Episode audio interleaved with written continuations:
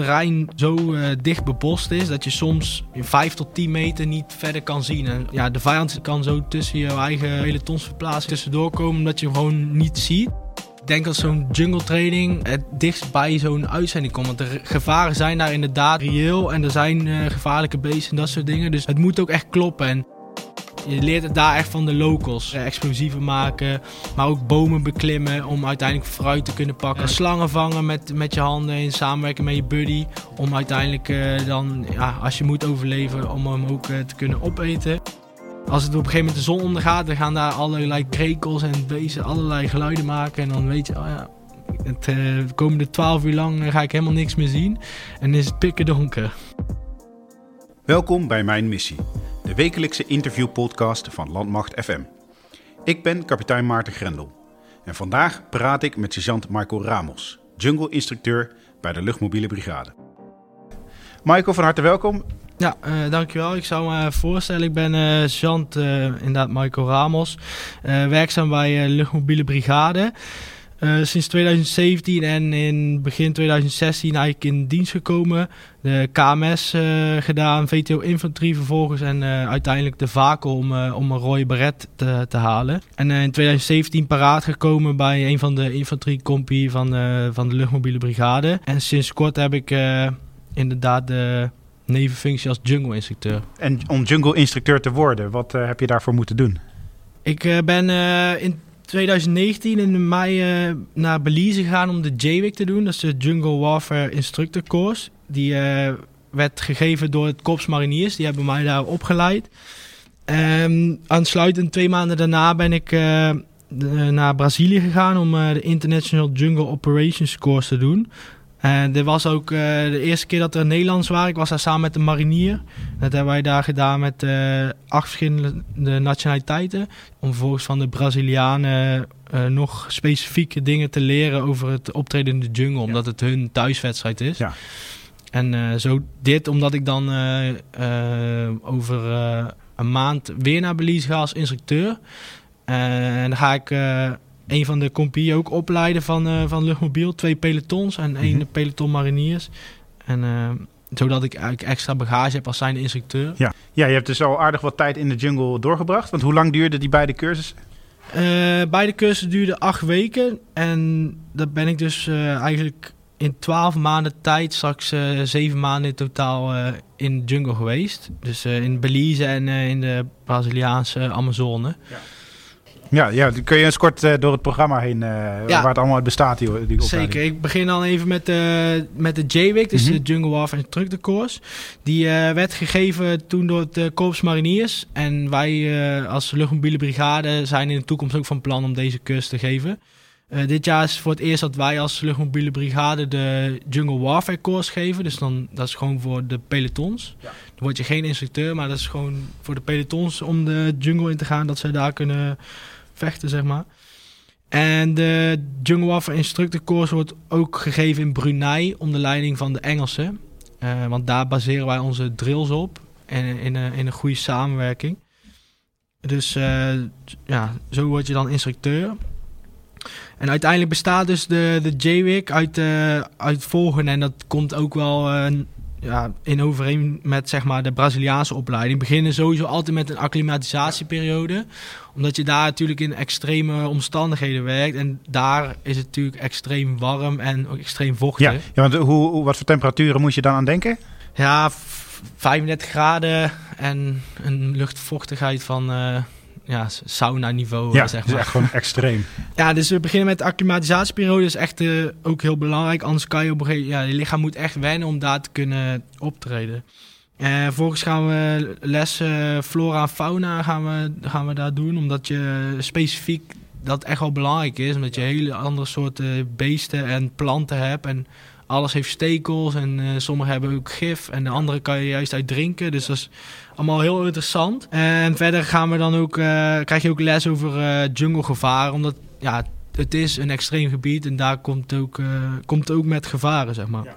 Vervolgens gaan we dan verder naar de survival en navigatiefase. En wat dat precies inhoudt, daar kom ik dan daar ook wel op terug. Maar dat is echt van belang om verder te kunnen gaan in de cursus. Ja. Want als je dat uh, niet, niet positief afsluit, dan kan je ook niet verder in de cursus. Want nee, dat is puur omdat, je, omdat het anders gewoon te gevaarlijk wordt. Als je verdwaalt in de jungle of als je nou, de verkeerde plant uh, een hap uitneemt, dan heeft het gewoon direct gevolgen waar je niet blij van wordt waarschijnlijk. Ja, dat klopt. Nou, als dat dus is afgevinkt bij iedereen, dan kunnen we door naar tactisch optreden.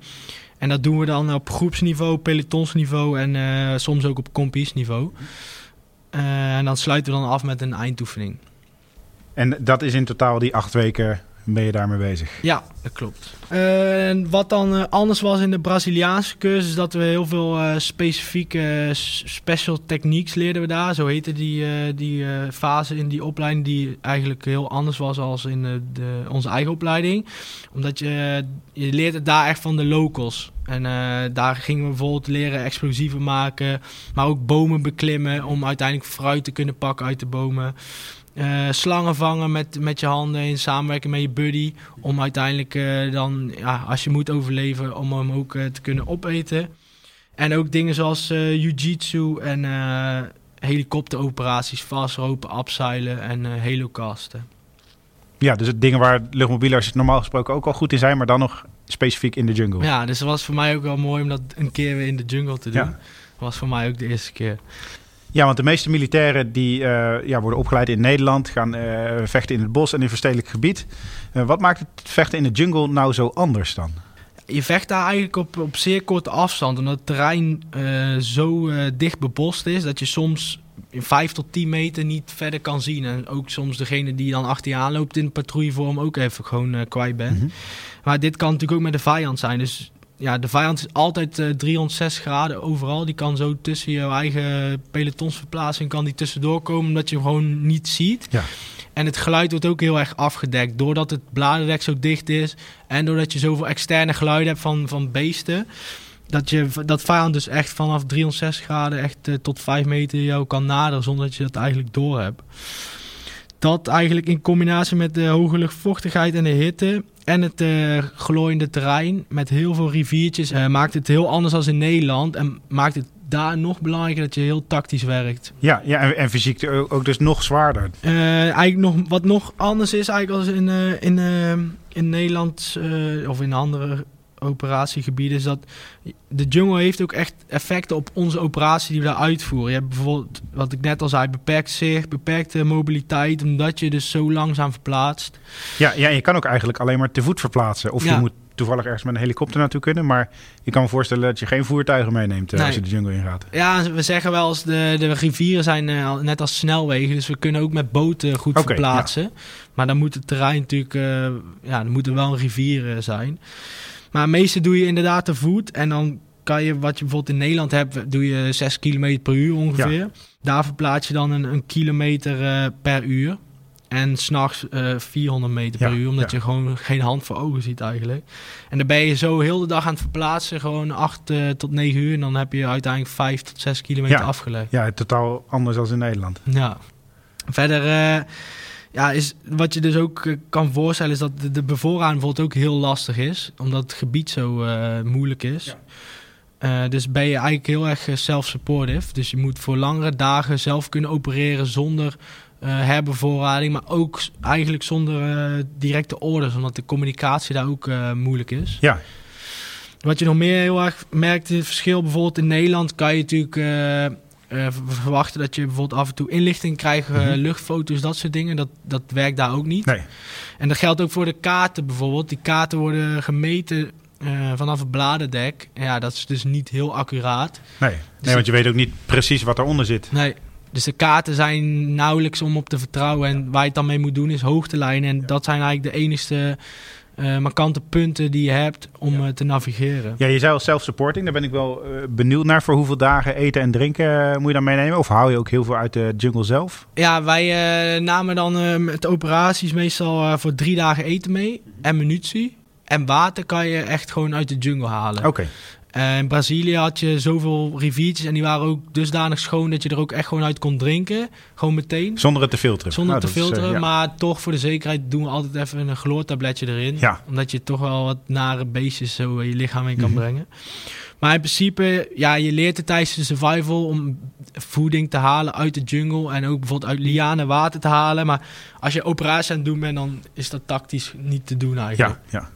Ehm, ja, verder eh, wat ook lastig is, dus de verbindingen. Want je, Mhm. je radiosystemen die in Nederland eh, op line of sight werken, ja, die werken daar niet. Omdat alles wordt afgeblokt door bomen. Ja. Dus je moet echt een hele radio opbouwen om uiteindelijk eh, dingen terug te zenden. Dus Met opbouwen bedoel je dan met een, een antenne die lang genoeg is om, om boven de bomen uit te komen? nee, of, nee, dat niet. dat maar niet? om uiteindelijk terug te, te, zenden, zeg maar, via een, een eh, high frequency frequentie. Om dan iets terug te zenden. Dus dan maak je vaak komstblokken. Dan zeg je over acht uur kom ik weer terug eh, in de komst. En dan ben je dus acht uur lang zelf je opdracht aan Ja, zonder, zonder eh, radioverbinding. En dit kan ook al op, op groepsniveau zijn. Dus als, als, als groepscommandant ben je daar best wel verantwoordelijk bezig en ook zelfstandig. Dus is best wel Ja, en op, op jezelf ook echt aangewezen. Eh, en nou ja, dit is dan eh, vooral eh, oefenen en, en trainen. Maar ik kan me voorstellen dat het ook wel wat met je doet. Mentaal, wetende dat je nou ja, in een best wel gevaarlijk gebied zit. Ook al is er geen echte vijanddreiging. Er zijn wel dreigingen van, van beesten, van de natuur. Ehm, met weinig middelen en weinig hulp van buitenaf. Hoe ga je daarmee om? Wat doet het met je? Ja, ik, wat ik voor mezelf wel heb gemerkt is dat de laatste tijd eh, zijn natuurlijk weinig uitzendingen, dat soort dingen. En ik denk dat zo'n Ja. jungle training het dichtst bij zo'n uitzending komt. Want de gevaren zijn daar inderdaad, wat, u, wat, wat je zegt, eh, reëel. En er zijn eh, gevaarlijke beesten en dat soort dingen. Dus het moet ook echt kloppen. En de medische afvoer die, die klopt ook echt. En dat wordt ook echt geoefend en eh, afgetoetst. Bijvoorbeeld, mijn training eh, vorig jaar hebben we een, een stuk of tien keer dus ook echt iemand moeten afvoeren. En dan praat je over een, een verzwikte enkel, want dan Ja. kan je al niks meer met, met die persoon. Tot aan een slangenbeet, tot aan bijvoorbeeld whitesap, wat iemand in zijn ogen krijgt, dan moet je zo iemand afvoeren. Een whitesap, wat is dat? Een plant? Ja, dat zit dus in een, eh, in een plant, sap wat eruit komt. En als je dan bijvoorbeeld eh, met je machete hakt, dan kan dat eruit komen. Ja. En dan krijg je dat in je ogen bijvoorbeeld. Mhm. En dan, ja, dan moet je gewoon terug naar het, eh, naar het kamp, waar dan de medische verzorging zit. Ja. En dat zie je ook aan hoe, hoe dat wordt aangelopen. We zitten daar op een, op een FOP in, eh, in de jungle, waarvan, eh, waar ongeveer eh, 250 man zit. En een FOP is een, voor, voor de mensen die het weten, een forward operating base, een vooruitgeschoven post.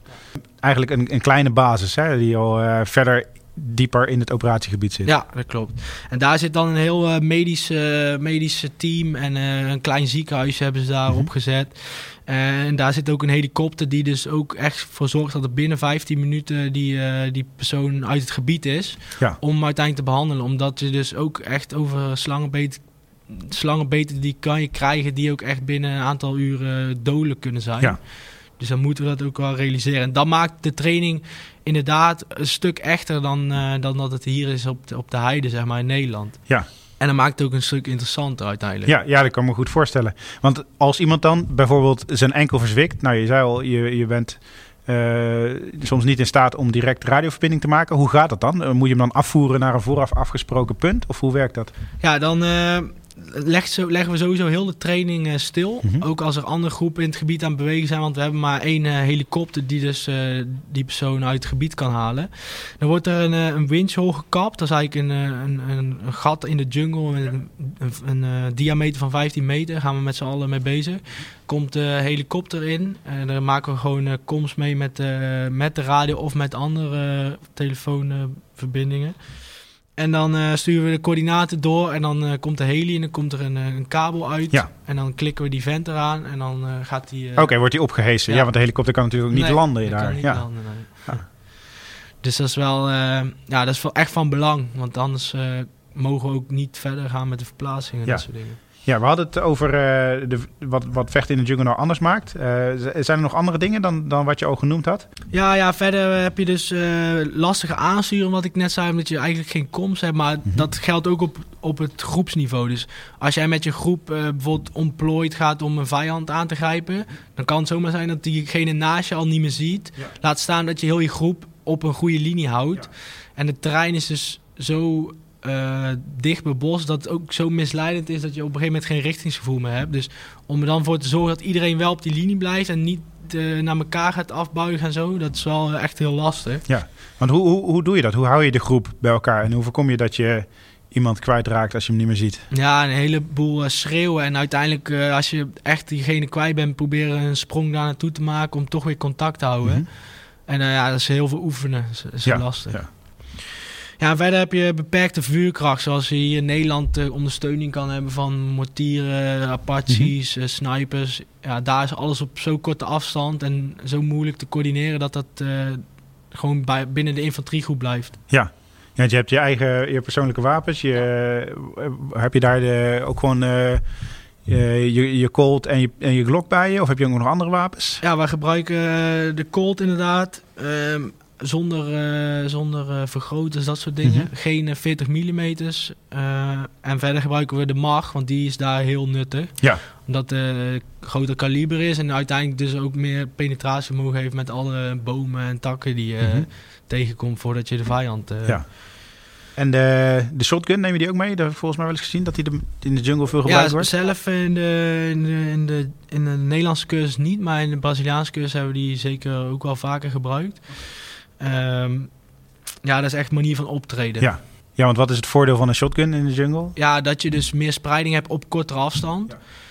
Ja, uh, ja en het nadeel ervan is ja, als, als je degene voorop laat lopen met de shotgun en de vijand is toch even net iets verder, dan ja, dan kan hij hem niet uh, raken door de beperkte dracht. Ja, en zeker de shotgun is heel handig daar om ook uh, weer te jagen en dat soort dingen okay, uiteindelijk. Ja. Maar dat is dan niet tactisch, zeg maar. Voor nee, dat is echt puur overleven ja. als je je eigen eten moet zoeken. Ja. Uh, nou, je had het al, de jungle kent, kent veel gevaren, veel gevaarlijke dieren, veel gevaarlijke planten. Uh, welke kom je zo al tegen? Of welke ben je zo al tegengekomen? Ja, een aantal gevaren die inderdaad specifiek zijn voor de jungle is eigenlijk uh, de gevaarlijkste wel deadfall eigenlijk. Dat zijn dus uh, van takken tot hele grote bomen met een uh, diameter van uh, 2 tot 3 meter, mm -hmm. of soms nog wel groter, die ineens kunnen omvallen. Omdat ze gewoon te weinig, ja, omdat de, de plant om hun heen te veel water of, of, zuurstof of licht van hun wegneemt, ja. vallen die bomen ineens om. Ja.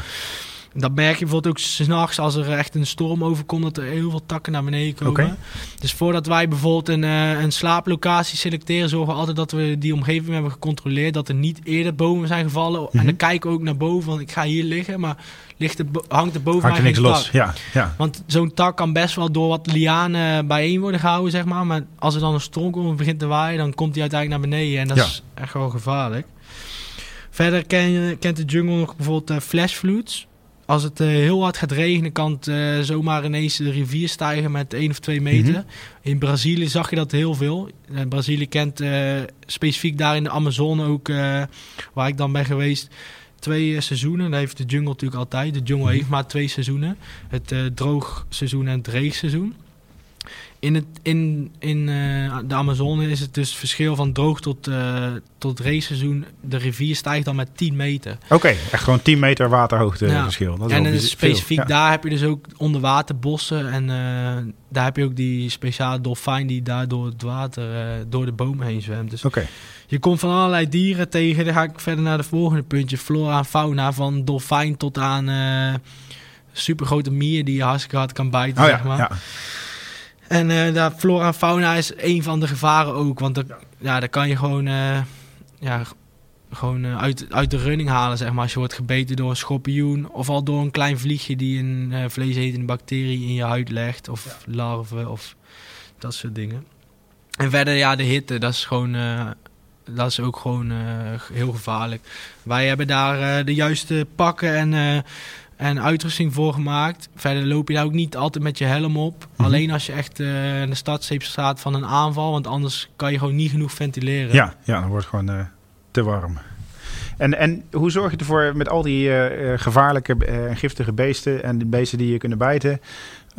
wat doe je om, om dat te voorkomen? Of in ieder geval de kans zo klein mogelijk te maken... dat die beesten jou moeten hebben? Ja, je zorgt er in ieder geval voor dat, dat, je, dat je altijd lange mouwen draagt. Uh, voor, voor bijvoorbeeld muggen, dat soort dingen. Date gebruik je dan ook op de plekken die dan niet meer bedekt zijn inderdaad. Omdat je anders door die vectoren dus ja, verschillende ziektes kan krijgen, zeg ja. maar. Dus dat is één eigenlijk. Verder zorg je gewoon dat, dat je drills eigenlijk altijd kloppen met bijvoorbeeld afval, dat soort dingen. Dat moet echt daar moet, moet je gewoon discipline in laten zien. Ja, moet je dan ook al je afval meenemen? Ja, En als je nou ja, bijvoorbeeld naar het toilet moet voor een grote boodschap, hoe doe je dat in de jungle? Ja, dan ga je gewoon achter een boom zitten. Oké, okay, dat kan. Zorg je wel dat je het goed afdekt, want daar komen dus vieze beesten op af. En dat geldt ook voor bijvoorbeeld als je je tas uh, niet goed afsluit mm -hmm. of je waterdichte zak niet goed dicht doet, gaan daar juist ook die slangen of schorpioenen in zitten, want die vinden het lekker om een vochtige, warme plek op te zoeken, zeg maar.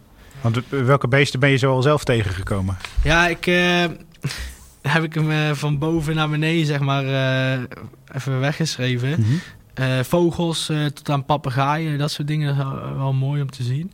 Ook verschillende soorten apen. Uh, veel uh, reptielen zoals salamanders, dat soort dingen. Ik heb een keer, uh, was bij toeval, omdat ik voorop liep, dan zie je eigenlijk meestal de meeste dieren, want die schrikken dan van jou weg, omdat je zelf ook heel stil ja. aan het werk bent. Een gordeldier een keer gezien. slangen, en dat is echt gebiedsafhankelijk. En is het dus, als er riviertjes zijn, kom je dat meer tegen. In Brazilië waren het er heel veel. van hele verschillende soorten. spinnen, heel veel. Uh, dus ook dat als jij voorop loopt, dat je dan uh, net uh, nog op tijd zeg maar een, een web ziet. Ja. Dat je er nog even Ja, anders kan. loop je er doorheen met ja. al dan niet de spin er nog in. Ja, dus van vogelspin tot aan, ja, noem het zo gek. En allerlei insecten, bijen, muggen, mieren die je jasje in kruipen als je op de grond ligt. En ja, alles wat je niet ziet eigenlijk, maar wel voelt. Dat uh, kom je allemaal tegen. Oké, okay, je voelt ook echt beesten over je heen lopen dan? Uh... Ja, op, ja, soms wel. En soms weet je het, maar dan denk je er liever niet over na. Nee. En uiteindelijk uh, is de jungle natuurlijk de, de achtertuin van de jaguar. En ja, die, die is er ook, maar die zie je niet, maar die ziet jou wel, zeg maar. Oké, okay, want die, nou ja, die is vrij schuw waarschijnlijk. Ja, maar die, ah. heb, die hebben ons wel in de gaten hoor. Zijn, ja die, ja, die zie je niet, maar die zijn er wel. Ja, ja. ja en naast, naast alle dieren uh, zijn de klimaatomstandigheden in de jungle ook uh, heel anders dan in Nederland. Uh, kun je daar iets over zeggen? Wat voor temperatuur en... Ja, ja je, je, hebt daar ongeveer een temperatuur van 35 graden en de luchtvochtigheid zo hoog dat het gewoon voelt alsof je in een sauna bent. Er mm -hmm. continu een bubbel om je heen zit waar je zweet gewoon niet uit kan. En daarom is het wel belangrijk dat we goede, goede pakken dragen. Uh, het moet natuurlijk stevig zijn, omdat het overal aan, uh, aan blijft haken. Aan takken, lianen, die, dat scheurt dan zo uit als het niet uh, goed is.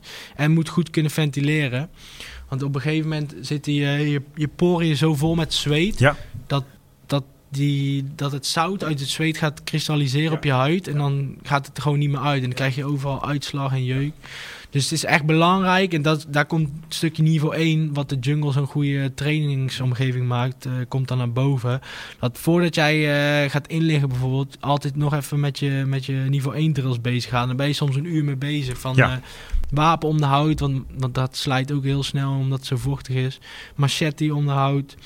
Dus uh, nog even jezelf wassen in de rivier, maar ook je kleren uitwassen. Uh, je, je schuurplekjes nog behandelen, je kleine wondjes, want je handen zit, zijn altijd open omdat je overal aan blijft hangen. Ja. Dus alles even nog behandelen. Want als je dat niet doet en je gaat gewoon slapen omdat je moe bent, want dat ben je op een gegeven Mhm. moment, dan kom je de, word je de volgende dag wakker en dan uh, is het nog tien keer zo erg geworden, zeg maar. ja. Dus dat is echt van belang. Ja, en, ge en gebeurt het ook dat mensen daardoor uitvallen? Ja, op een gegeven moment uh, in de cursus gebeurt het wel eens. Uh, ja, dan kan de, de beste overkomen door, door een, een pech, door een, bepaald beest of wat dan ook. Of inderdaad als je dus je enkel verzwikt, dat soort dingen. Dus dat is wel zonde, maar het gebeurt ook wel eens. Ja, nou, dat maakt het fysiek waarschijnlijk behoorlijk zwaar. En zijn er nog andere dingen die daaraan bijdragen? Het uh, terrein, uh, dat heb ik al eerder een paar keer gezegd, is heel erg glooiend. En ja. heel veel kleine riviertjes die je uh, niet verwacht, want die staan bijvoorbeeld niet op de kaart. Die kom je dan ineens tegen. De hitte en hoge lichtvochtigheid. En eigenlijk wat ik net ook zei, dat je dus voor een lange tijd self-supportive bent. Ja. Dus dat je heel veel munitie mee moet nemen, want de herbevo is gewoon lastig daar zo. En de continue druk van vijand. En daarom moeten de, de materialen die, die hebben daar heel veel te lijden. Je wapens, je machetes, maar ook je uitrusting. Het blijft overal achter haken. Ze moet gewoon uh, ja, van goede kwaliteit zijn. Om een voorbeeld te noemen, de hangmat waar je in slaapt, die is gewoon ook uh, de hele tijd nat dat je, als je daar bent. Dus die is gewoon een week lang nat. Ja. Als het niet goed is, dan gaat het schimmelen. En dan eens plekje waar jij dus kan herstellen, is dan ook al niet meer goed. Nee. Dus het is echt van belang dat het goed is en dat je het ook uh, goed houdt. Dus vandaar dat je je niveau 1 echt moet kloppen. Ja. Ja, dus je, je uitrusting moet goed zijn, maar je, je moet zelf dus ook over de juiste uh, skills beschikken. Maar wat is nou essentieel? Wat heb je nou nodig om te overleven in de jungle? Nou, sowieso uh, de kennis over hoe je moet overleven, dus hoe je moet survivalen in de jungle. Want mocht het een keer misgaan, mocht je een keer verdwalen, dan moet je natuurlijk kunnen overleven. daar ook bij komen te kunnen navigeren, want het is heel lastig navigeren omdat je geen markante punten hebt en je bent zo het richtingsgevoel kwijt, omdat alles op elkaar lijkt en alles heel dicht bebost is. En bijvoorbeeld in de nacht komt er zo weinig uh, maanlicht uh, door het bladerdek heen dat, dat je geen hand voor ogen ziet. Dus het kan zomaar zijn dat je s'nachts uh, uit je hangmat komt dat je moet plassen of zo. Dat je gewoon niet meer terugkomt als, je, als je niet gewoon in de buurt blijft, zeg maar. Maar je wil ook weer niet te dicht bij je hangmat doen, want dan komen daar weer ongedierte ja. op af. Dus dat is altijd lastig. Ja, wat uh, nog meer heel belangrijk is eigenlijk uh, de discipline. Gewoon uh, die niveau 1 drills moet je blijven doen. Ook al ga je op een gegeven moment verzwakken omdat je moe bent en omdat je, je zweet heel de dag. Dus je, ja, eten is belangrijk, maar op een gegeven moment zijn je reserves ook op. En, maar je, je discipline moet blijven. Als je op een gegeven moment stopt met je wapen te, te poetsen, dan doet hij het op een gegeven moment ook niet meer, omdat hij ook heel de dag nat is. Ja, dus eigenlijk alles wat je laat verslappen wordt gelijk afgestraft in de jungle. Ja, en dan maakt het een heel uh, mooi trainingsgebied. Want dan hoeven daar de instructeurs niet eens zo uh, druk mee bezig te zijn, want het doet de jungle zelf dus al. Ja, je zei al, het, het is uh, warm, het is ontzettend vochtig. je bent best veel tijd kwijt aan onderhoud van jezelf en van je uitrusting. Maar hoe zorg je dat nou ja, je, je kleren een beetje droog blijven of de spullen in je rugzak? Of, of blijven die überhaupt droog of is op een gegeven moment alles nat? Ja, wat wij altijd doen is uh, alles in ieder geval dubbel verpakken in uh, waterdichte zakken. Maar ook uh, ja, handige dingen zoals broodblikjes, tupperware, waar je normaal je maaltijden in de diepvries mee mm -hmm. invriest. Die werken daar heel goed, omdat die goed waterdicht zijn om dan je spullen waterdicht te houden. Maar ook bakjes die je uiteindelijk met een gedeelte van de fietsband afsluit, zodat er echt helemaal niks doorheen komt. Maar op een gegeven moment moet je wel accepteren dat gewoon alles ook nat wordt. Want dat houdt het ook niet altijd. Ja. En als je dan door de rivier aan het zwemmen bent, dan krijg je soms wel eens een lek en dan is het gewoon nat. Ja.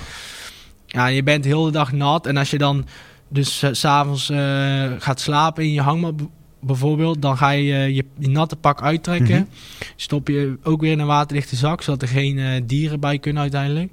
Ga je in je hangmat en dan trek je een droogpak aan die dan hopelijk nog droog ja, is. Ja, als zodat, je het nog hebt. Ja. ja. zodat je huid uh, kan herstellen. En dan ga je dus in je hangmat nog even jezelf verzorgen met ja. talkpoeder op je voeten. Ja. Want die voeten die hebben het meeste te lijden, want die zijn echt continu nat. En ja. daar loop je ook heel veel mee natuurlijk. Dus kleine wondjes behandelen en uh, vaseline smeren heel veel. Oké. Okay. Um, nou ja, zoals je zei, heb je al redelijk wat tijd doorgebracht in de jungle. Um, dus... Uh, waarschijnlijk ook wel het een en ander gezien en, uh, en meegemaakt daar. Wat zijn nou de, de meest bijzondere of de meest heftige of indrukwekkende ervaringen die je tot nu toe hebt opgedaan? Wat mij uh, sowieso was bijgebleven en uh, dat is eigenlijk, eigenlijk de eerste nacht dat ik, noemen wij hard routine. Dus dat is als je gewoon op de grond slaapt, Mhm. mm -hmm. zonder hangmat, zonder matje, zonder slaapzak. Gewoon in je, in je GVT op de grond slaapt. met je buddy, want je doet natuurlijk alles in buddy paren. Want dat maakt het ook belangrijk en dat maakt het ook gangbaar, zeg maar. Dat je, je blijft elkaar controleren. Je, je bent continu met je eigen niveau 1 bezig, maar je zorgt ook dat je buddies niveau 1 uh, klopt. Uh, en dan ga je op een gegeven moment ook samen met z'n tweeën, op, bijvoorbeeld op een verkenning, ben je dan in, in de achterwaartse bijvoorbeeld. En dan ga je daar op de grond slapen met z'n tweeën. En de, daar staat mij nog heel goed bij, want het is altijd even spannend. Want Ja. je hebt het idee dat van alles over je heen kruipt. Ja. En je ziet overal eh, lichtgevende oogjes en eh, vuurvliegjes. Dus dat is best wel... eh, nou, dat staat mij nog goed bij. Verder ook, eh, als je bijvoorbeeld door het terrein heen loopt... dan kom je toevallig langs een eh, apenfamilie... En dan worden ze best wel boos omdat je door hun gebied heen Ja. loopt. En dan is het wel grappig, want dan gaan ze je achtervolgen, takken gooien, dat soort dingen. Dus ja. dat is wel mooi. Proberen ze je weg te jagen. Ja. Verder ook nog wel iets wat, wat ik altijd, eh wat we altijd meestal het, nacht eh, aanbreken eh, concert, zeg maar. Dat Mhm. zeg ik altijd. Als het op een gegeven moment de zon ondergaat, dan gaan daar allerlei krekels en beesten allerlei geluiden maken. En dan weet je, oh ja, het eh, de komende twaalf uur lang eh, ga ik helemaal niks meer zien. En is het pikken donker. Verder uh, in Brazilië bijvoorbeeld, uh, en Belize trouwens ook een, een hele vlucht gemaakt over de jungle. Dat is echt uh, prachtig, omdat je dan, ja, je loopt, er gewoon, je loopt daar acht weken doorheen en dan zie je het een keer van boven. Dan Mhm. zie je hoe mooi het is en al die het relief en de riviertjes. En uiteindelijk hebben we daar toen ook een insertie gedaan via een sprong in het water, om uiteindelijk dan weer de jungle in te gaan. Dus dat was ook wel heel gaaf om te doen. En wat ik ook nog wel weet, en dat was wel een iets minder prettige ervaring, uh, als je s'nachts bijvoorbeeld in een hinderlaag ligt uh, en het begint dan te regenen en dan gaat het ook echt los. Ja. Bliksem en allerlei deadfall om je heen, dan Ja. is het ook, dan wordt het ook echt gevaarlijk op een gegeven moment. En dat maakt het ook wel, ja, maakt het wel spannend en ja, dat is best wel bijzonder ook. En een keer tijdens een survival, survival training hebben we ook echt vier dagen op een gegeven moment niks gegeten. Omdat er gewoon niks te vinden was in het gebied. Qua eten, fruit of dieren. Mhm. Dat, dat, is, dat is wel het, een van de zwaarste dingen die ik ooit heb meegemaakt. Ja, ik kan me voorstellen. Vier dagen gewoon niks eten onder zulke zware omstandigheden. Ja. Um, nou ja, ik, ik, weet wel, als je een paar dagen niet slaapt, dan begin je op een gegeven moment te hallucineren. Maar wat gebeurt er als je vier dagen in de jungle zit en niet eet? Ja, ja, op een gegeven moment gaat het mentaal aan je knagen, want je denkt alleen nog maar aan eten. En je krijgt ook gewoon uh, ja, van die, uh, van die mood swing, zeg maar. Op een gegeven moment heb je ruzie met elkaar om de ja, kleinste dingen. Ja. Je zit dan altijd wel met een groepje. En je moet natuurlijk blijven werken, want je moet je water uh, blijven zoeken. Je, Ja. moet, je moet toch voor eten blijven zoeken, ook al weet je dat het gewoon bijna niet Mhm. te vinden is. En uh, je hut uh, die moet ook kloppen, want je moet van de grond af liggen. Anders ben je na dag 1 al niet meer uh, inzetbaar, zeg Ja. maar, door de beestjes. En dus je moet wel blijven werken ook voor, voor vuur voor, of hout voor het vuur en dat soort dingen. Maar op een gegeven moment heb je zo weinig energie en wordt het mentaal echt een, ja, wordt het echt zwaar. Ja. En hoe ga je daar dan mee om? Je, je zei al, je zit daar als groep. Uh, je, je krijgt op een gegeven moment ruzie met elkaar. Mensen worden prikkelbaar omdat ze natuurlijk honger hebben. Maar hoe, hoe, kom je daar dan toch doorheen? Want je hebt het wel gehaald en uh, ja, je hebt het wel gedaan. Ja, uiteindelijk uh, is dat natuurlijk ook wat je als militair en zeker de, de, de eenheden die naar de jungle gaan, dat zijn uiteindelijk wel de het korps mariniers, korps mannentroepen en uh, luchtmobiele brigade. Dus ja, we hebben de wil natuurlijk wel om door te blijven gaan, maar het maakt het, uh, maakt het zwaar. Maar dat maakt uiteindelijk ook een hele goede training voor, voor je Ja. groep. Je gaat met, met je groepsbinding ga je echt uh, door dalen en pieken heen. Dus dan maak je echt mooie dingen mee. Voor de binding en uh, de cohesie is dat, is dat heel goed. En ja, uiteindelijk doe je het met elkaar. En dan je houdt elkaar op de rit door gewoon positief te blijven natuurlijk uiteindelijk. Ja. En dan kijk je er uiteindelijk op terug met hartstikke mooie ervaringen. Want wie kan er nou zeggen dat ze vier dagen met z'n allen in een hutje in de jungle hebben gezeten? Ja, ja nou absoluut. Ja, je zei net al dat uh, de drie eenheden van de Nederlandse krijgsmacht die daarheen gaan, de mariniers, de commando's en uh, luchtmobiel, de, ja, toch wel de elite eenheden van de landmacht. Maar waarom is het nodig dat ze, ja, dat die, dat, dat ze weten dat ze moeten, hoe ze moeten vechten in de jungle? Ja, ja allereerst uh, deze drie eenheden die moeten ook wereldwijd inzetbaar kunnen zijn. Dus daaronder valt dan natuurlijk ook de jungle. En veel conflictregio's liggen ook op of nabij de evenaar en daar is ook de jungle. Uh, verder, ja, dat is dus van belang dat zeg maar die, kennis en vaardigheden ook binnen de eenheden blijft. Dus belangrijk dat we daar af en toe instructeurs naartoe sturen ja. en gewoon ook uh, de pelotons uh, doorheen, uh, door de cursus heen laten gaan. En uiteindelijk als je kan optreden in de jungle, wat wel een van de meest extreemste gebieden in de wereld is, dan kan je dat ook overal ergens Ja, anders in, ja. in de wereld. En dan maakt het hier het optreden in Nederland maakt het dan alweer een stuk makkelijker. Want. Dan, dan weet je gewoon dat al je, dat je discipline en je drills die kloppen, omdat je daar bent geweest. Dus dan gaat het hier een stuk makkelijker. En verder, momenteel is het natuurlijk geen uitzending voor Nederland in een junglegebied. Maar we moeten daar met die drie eenheden natuurlijk wel altijd eh, klaar voor zijn. En uiteindelijk is de jungle wel de ultieme leerschool voor eh, je, je basis eh, skills en drills. Eigenlijk van iedere militair. Omdat, ja, we hadden het net al over natuurlijk, de jungle die straft eh, zelf alles af als je het Ja. niet goed doet. Dus eh, ja, dat is een goede leerschool. Ja, heel indrukwekkend. Dankjewel. Ja, graag gedaan. De komende tijd ga ik nog veel meer podcasts maken, dus blijf luisteren. En als je nou zelf een onderwerp hebt waarvan je vindt dat wij dat echt moeten belichten, tweet dan met hashtag Mijn Missie of stuur ons een bericht via de Facebook- en Instagram-accounts van de Landmacht. Mijn Missie is een productie van de Koninklijke Landmacht. Nieuwe afleveringen komen iedere maandagochtend online en je vindt ze in de meeste podcastspelers. Volg de Koninklijke Landmacht via Twitter, Instagram, Facebook en YouTube en houd defensie.nl in de gaten voor het laatste nieuws rondom de krijgsmacht. Bedankt voor het luisteren en tot volgende week.